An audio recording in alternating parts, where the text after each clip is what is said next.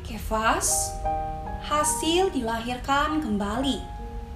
Ayat Alkitab Yohanes 3 ayat 14 mengatakan Dan sama seperti Musa meninggikan ular di padang gurun Demikian juga anak manusia harus ditinggikan.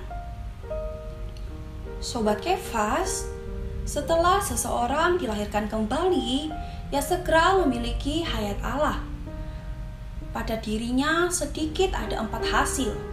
Pertama, ada perubahan hayat di dalam dirinya. Begitu hayat Allah masuk, pasti di dalamnya timbul suatu perubahan yang membuatnya berubah baik.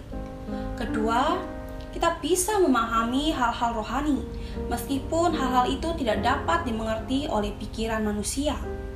Kemudian, ia mempunyai bagian dalam kerajaan Allah dan dapat memahami hal-hal di dalamnya. Selanjutnya, ia tidak akan binasa selama-lamanya.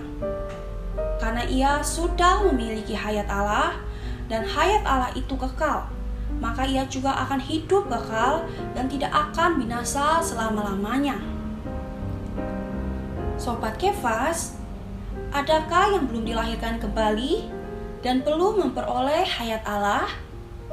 Percayalah segera kepada Tuhan Yesus. Berdoa dengan hati yang sungguh menyambut Dia masuk menjadi juru selamat Anda.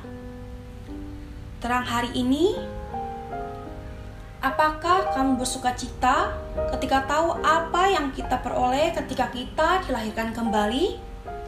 Maukah kamu juga membawa orang untuk dilahirkan kembali? Poin doa berdoa berterima kasih kepada Tuhan Yesus atas hayatnya yang ada di dalam kita.